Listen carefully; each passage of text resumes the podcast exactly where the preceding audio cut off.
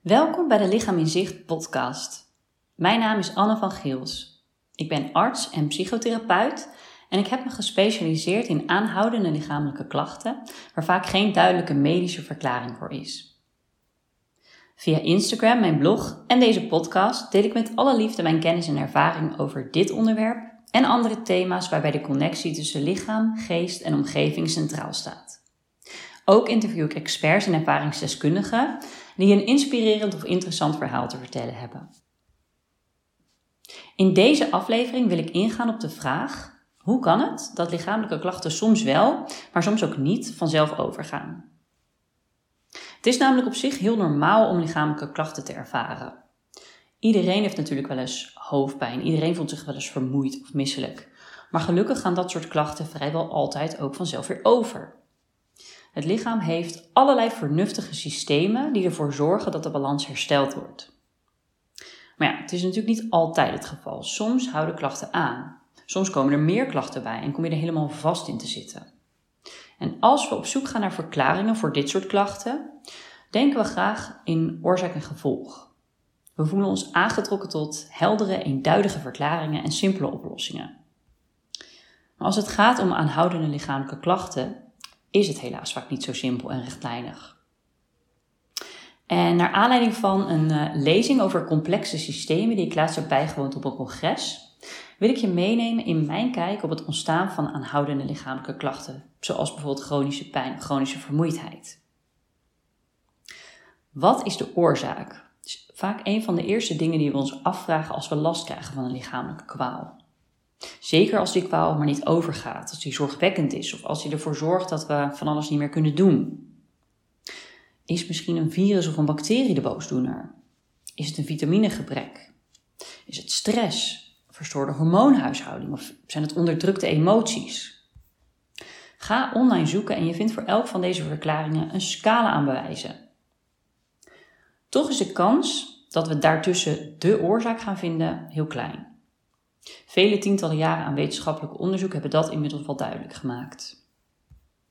Hoe komt dat? Nou, dat komt omdat het ontstaan van lichamelijke klachten vaak niet simpelweg verklaard kan worden door een oorzakelijk verband. A leidt tot B.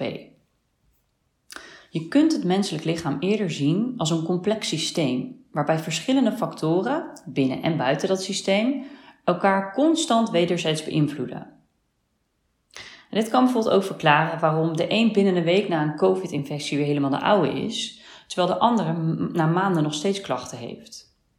Het is niet alleen het virus dat ons ziek maakt en klachten veroorzaakt. Daarin speelt ook onze eerdere gezondheidstoestand een rol.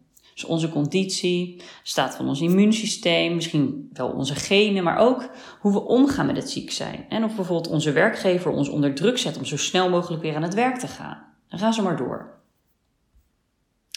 Andere voorbeelden van dit soort complexe systemen zijn de economie, verkeersstromen en het klimaat. En al die complexe systemen hebben een aantal eigenschappen overeenkomstig en daarvan wil ik er een paar met je bespreken. De eerste is dat ze bestaan uit verschillende componenten, dus uit verschillende onderdelen, met een onderlinge wisselwerking. In het menselijk lichaam is er bijvoorbeeld een nauw onderling verband tussen ons zenuwstelsel, ons immuunsysteem, hormoonstelsel en alle spieren en organen. Een tweede eigenschap van complexe systemen is dat het vaak open systemen zijn. Wat wil zeggen dat ze continu beïnvloed worden door factoren ook van buitenaf. En in ons geval bijvoorbeeld door de fysieke omgeving waarin we ons bevinden. Denk bijvoorbeeld aan de luchtkwaliteit, eh, zonlicht of in de natuur zijn of in de stedelijke omgeving, maar ook de mensen om ons heen en hoe zij zich gedragen. Een derde eigenschap van die complexe systemen is dat ze zichzelf in evenwicht houden. En in het menselijk lichaam wordt dat ook wel homeostase genoemd. Ondanks verandering in de omgeving blijft het inwendige milieu in evenwicht.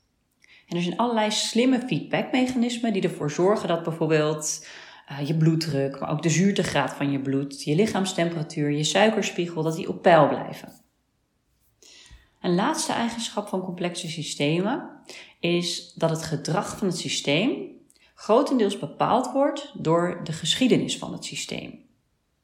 En in het geval van mensen, mensen leren van hun ervaringen. alles wat je in je leven hebt meegemaakt beïnvloedt hoe jij jezelf en de wereld om je heen waarneemt en beoordeelt. En dat gaat niet alleen op voor de bewuste keuzes die je maakt. Ook onbewust kan jouw lichaam automatisch reageren op basis van eerdere ervaringen. Om even een voorbeeldje te noemen. En stel dat je ooit gebeten bent door een herdershond, dan is de kans groot dat jouw lichaam zich al schrap zet en als het ware in de vecht- of vluchtmodus gaat wanneer jij een soortgelijke hond ziet lopen. Het gaat allemaal, hoef je helemaal niet heel bewuste gedachten te hebben over die hond. Uh, je hebt misschien helemaal niet eens zo heel bewust in de gaten dat je hem ziet.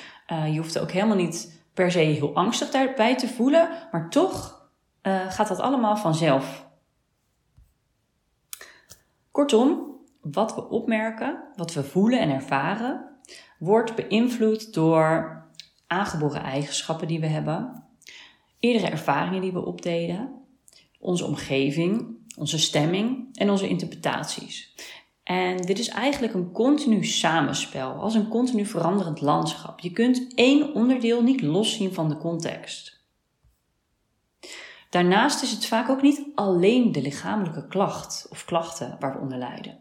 Het zijn vaak ook de gevolgen van die klachten. Het is de frustratie over het niet meer kunnen doen wat je graag wil. Het is de moedeloosheid en de angst dat het misschien niet meer overgaat, het gevoel vast te zitten. Het is het verdriet over de dingen die je verloren bent. En misschien wel je werk, misschien vriendschap of andere relaties. het is het gepieker, de slapeloze nachten, de eenzaamheid. En die hele kluwen maakt dat je eronder lijdt. Niet alleen de pijn of het gebrek aan energie of de buikklachten. Nou, nu zou je kunnen denken van, jeetje, wat ingewikkeld. Het klinkt als een onmogelijke opgave om dan uit te vogelen wat er met je aan de hand is. Als je last hebt van aanhoudende lichamelijke klachten. Hè? En voor een deel is dat misschien ook wel zo. Om precies te snappen hoe jij in elkaar zit en wat er mis is gegaan of misgaat in jouw lichaam, waardoor jij een bepaalde klachten ervaart, ja, dat is misschien wel onmogelijk. Maar om verder te komen is dat waarschijnlijk helemaal niet nodig.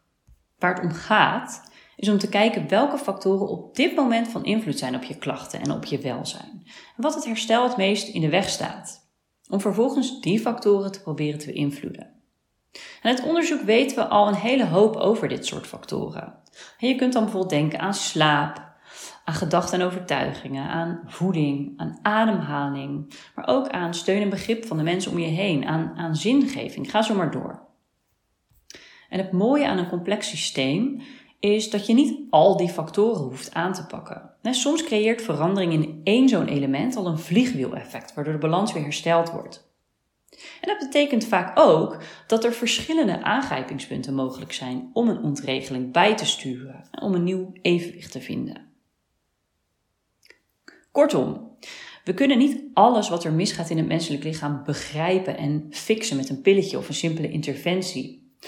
Maar door de mens te zien als een complex systeem, doen we meer recht aan de werkelijkheid. En het geeft ons ook handvatten om samen te zoeken en uit te proberen wat werkt om die balans te herstellen. Heel erg bedankt voor het luisteren naar deze podcast. Uh, mocht je jouw gedachten over dit onderwerp willen delen, dan mag je mij altijd een uh, berichtje sturen via Instagram of een mailtje naar anne.lichaaminzicht.nl. En verder zou je mij er enorm mee helpen als je de podcast een recensie wil geven of een aantal sterren in jouw podcast-app. En op die manier kan ik weer meer mensen bereiken.